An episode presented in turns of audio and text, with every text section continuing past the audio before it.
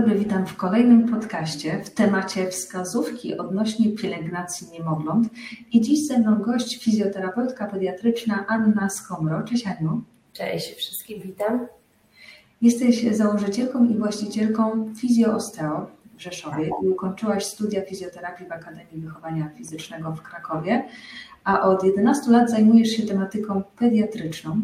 No i też jesteś świeżo upieczoną mamą, dlatego wszystkie te informacje, które będziemy poruszać, e, trochę będą zahaczać też o Twoje doświadczenie. Dokładnie. Trochę. Trochę tak.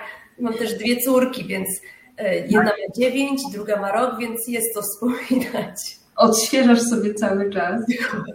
E, wiesz, często jest tak, że mm, kąpiemy dziecko i to jest ta pierwsza kąpiel i kompletnie nie wiemy, gdzie, jak złapać.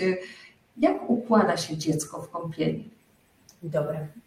Yy, tak więc my zawsze chcielibyśmy układać je, żebyśmy się my czuli stabilnie, czyli trzymając lalkę albo tutaj, yy, a trzymając dziecko, to na karku i pod biodra aczkolwiek wkładając w taki sposób to dziecko do wanny, mogłoby bardzo zareagować płaczem i się przestraszyć, bo ono by nie widziało, bo by tak jakby przez plecy byłoby y, do, do tej wanny wkładane.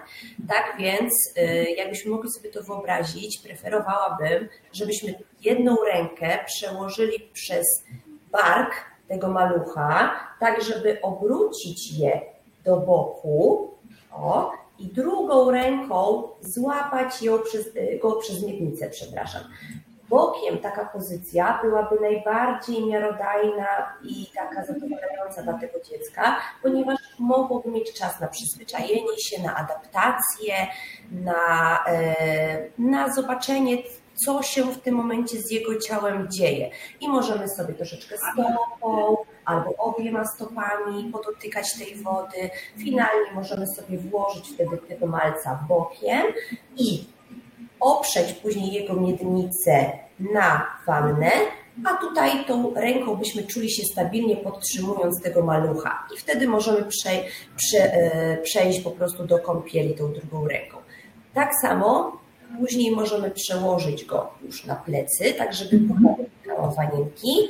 A jak już te starsze dzieciaczki będą, czyli ta głowa będzie się czuć, y, będzie, przepraszam, bardziej stabilniejsza, możemy go obrócić na brzuszek i tak samo możemy tutaj obmyć sobie e, plecki. To właśnie w zależności, ile to dziecko tak naprawdę ma miesięcy. Czy ta głowa jest stabilna, ale na początku polecałabym, żeby to było przez, e, przez bok.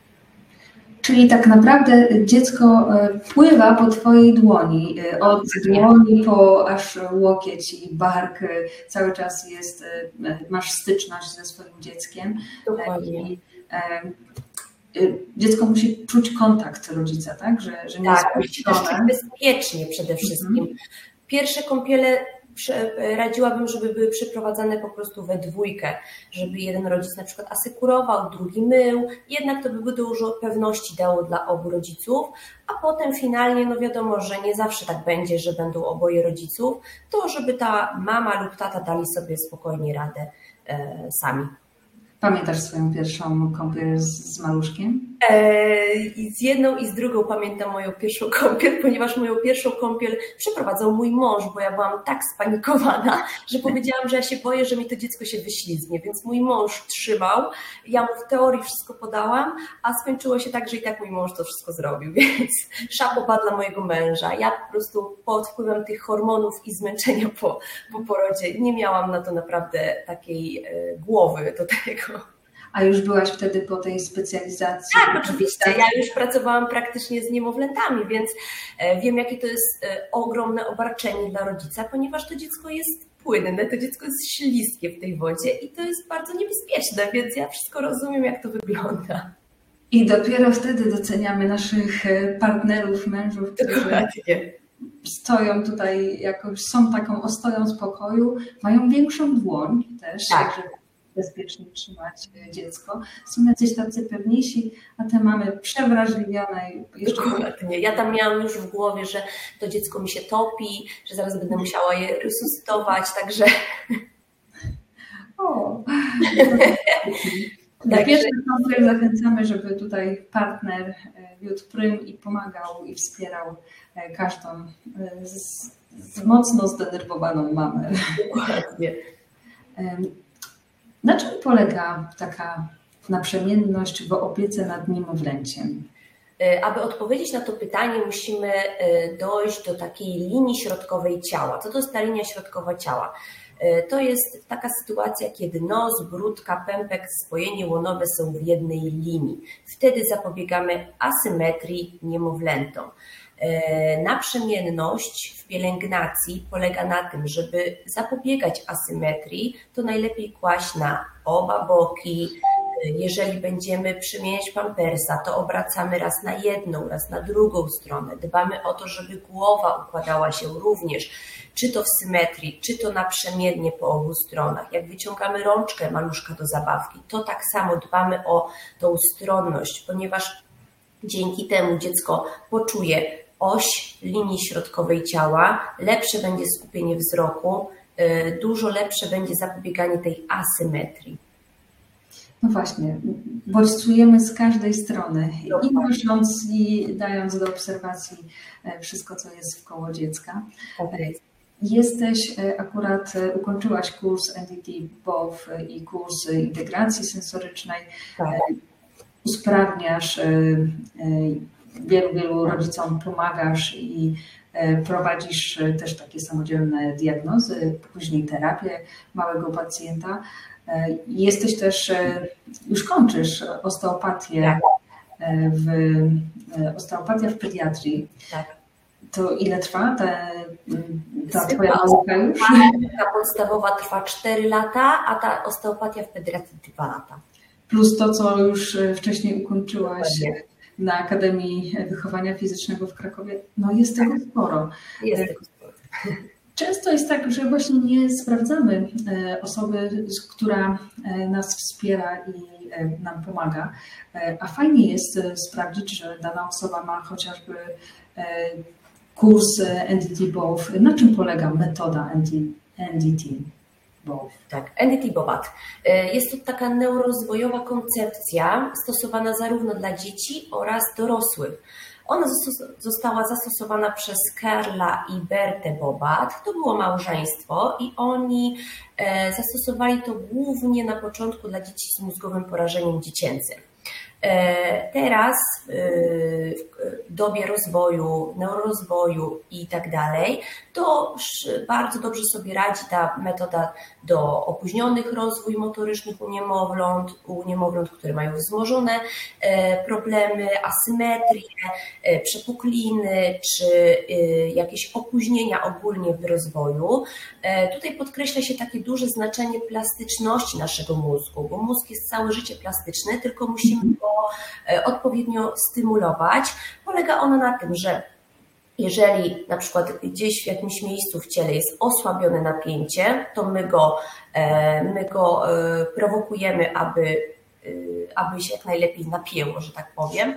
Mhm. Jeśli jest miejsce nadmiernie napięte, to hamujemy, niwelujemy, rozluźniamy, czyli ułatwiamy funkcjonowanie w życiu codziennym, żeby pacjent był jak najbardziej samodzielny.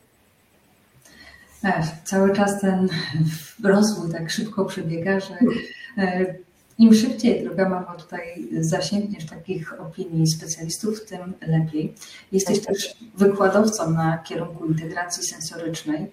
Na przykład e, przedstawiałaś, opisywałaś jakość życia matek i dzieci, e, matek, dzieci z mózgowym porażeniem dziecięcym w badaniach naukowych w Towarzystwie Walki z Kalectwem. W Fizjosteo zajmujesz się terapią niemowląt, dzieci i dorosłych. Dużo się mówi o integracji sensorycznej w internecie. Co to w ogóle jest? Czym jest integracja sensoryczna?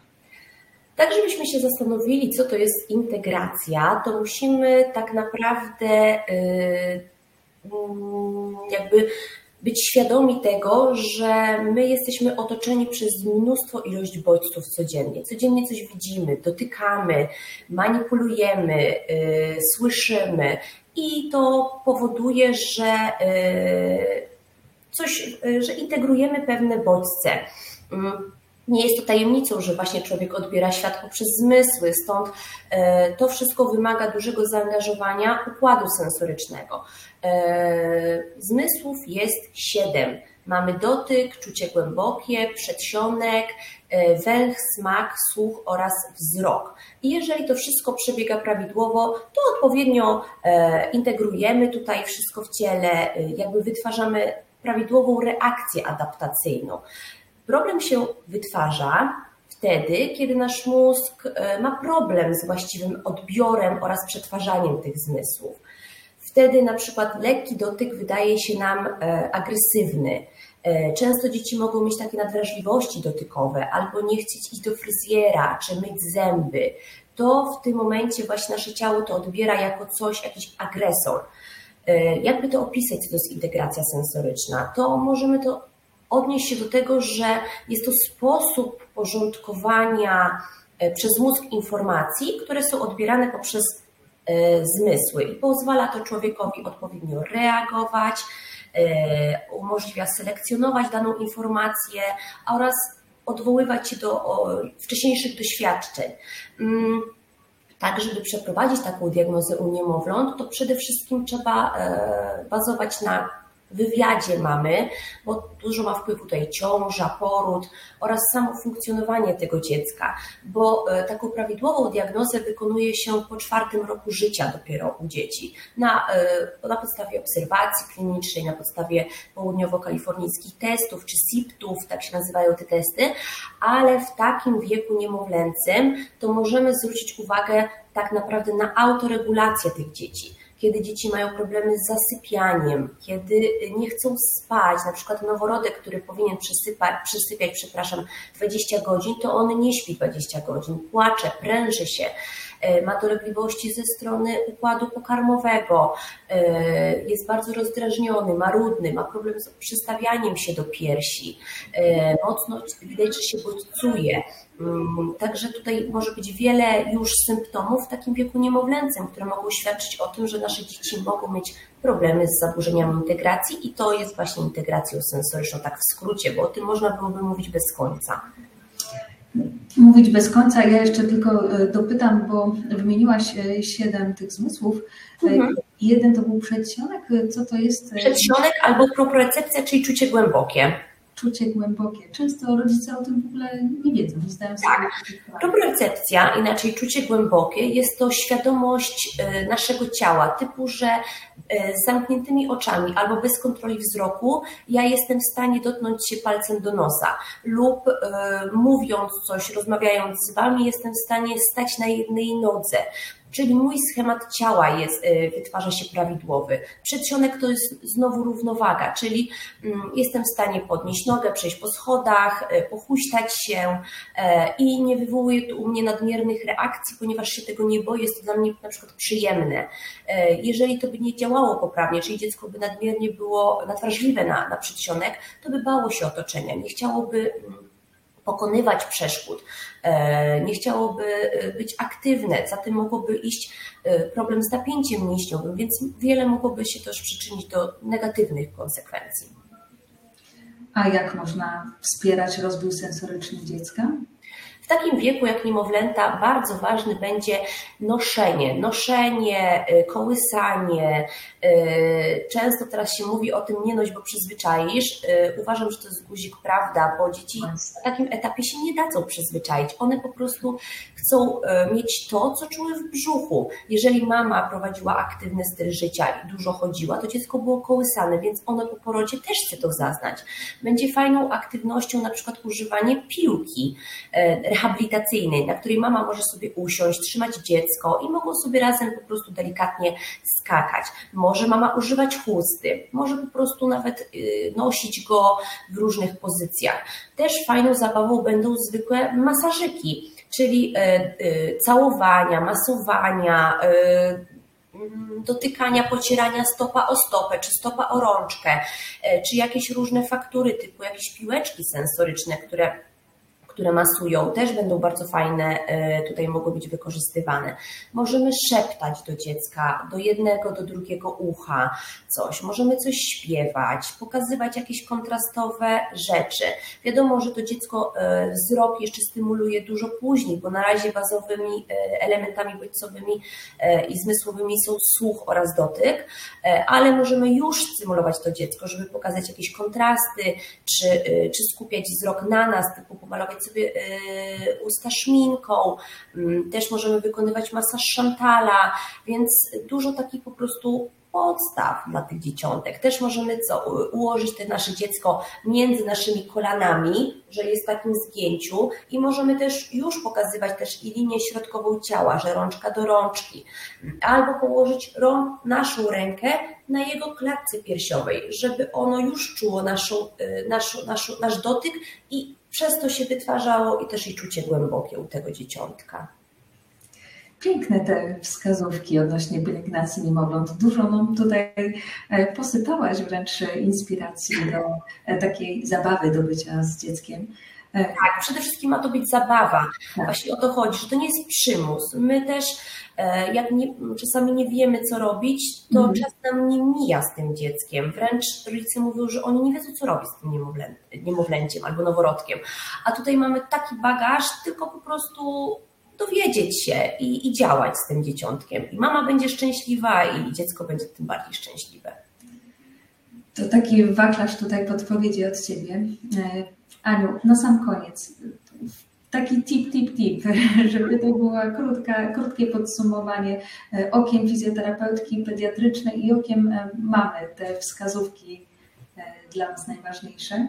Tak, przede wszystkim naprzemienność, czyli stronność ciała. Dbamy o linię środkową i o to, żeby dziecko e, dbać właśnie o dwukierunkowość, żeby nie wytworzyła się żadna asymetria, czy żeby nie utrwalać preferencji ułożeniowej, bo pamiętajcie, że wszystkie dzieci rodzą się z e, preferencją, ale naszym zadaniem jest e, wstrzymać to, żeby do trzeciego miesiąca życia powstała linia symetryczna i żeby dziecko potrafiło się przekręcać na jeden, na drugi boczek stymulujemy, bawimy się z dziećmi, w razie czego polecam właśnie zasięgnąć rady u specjalisty od samego początku, nawet jeżeli wydaje nam się, że wszystko jest ok, jednak patrzymy zupełnie inaczej na nasze dzieci, więc do terapeuty Bobat możemy podejść, możemy do terapeuty Wojty czy do osteopaty, jeżeli są jakieś wskazania. Im szybciej, tym lepiej. On Wam też powie o pielęgnacji, o handlingu, jak się bawić, żeby stymulować te dzieci.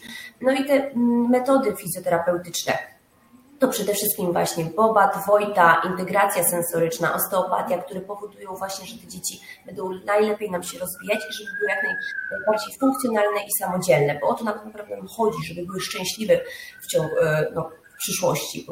Co nam jeszcze powinno, tak szybko powiem, co zaniepokoić nas powinno. Kiedy pamiętajcie, po trzecim roku, po trzecim miesiącu życia dziecko będzie nam się układało niesymetrycznie, kiedy będzie nam się prężyło, odginało, kiedy będzie problem z przestawieniem się do piersi, to od razu działajcie. Jakby to nie jest, że dziecko nie lubi naszej piersi, tylko coś mu utrudnia. Jak nam dziecko nie będzie chciało leżeć na brzuchu albo nie będzie podnosiło głowy po trzecim miesiącu, czy y, po prostu będziemy widzieć, że jedną rączkę bierze do buzi albo cały czas ta głowa po prostu patrzy w jedną stronę, albo też widzicie, że głowa się zaczyna odkształcać, czyli zaczyna się spłaszczać, to wtedy od razu interweniujcie i nie czekajcie. To nie jest, że się naprawi, że dajmy dziecku czas. Nie ma czasu wtedy. Działamy.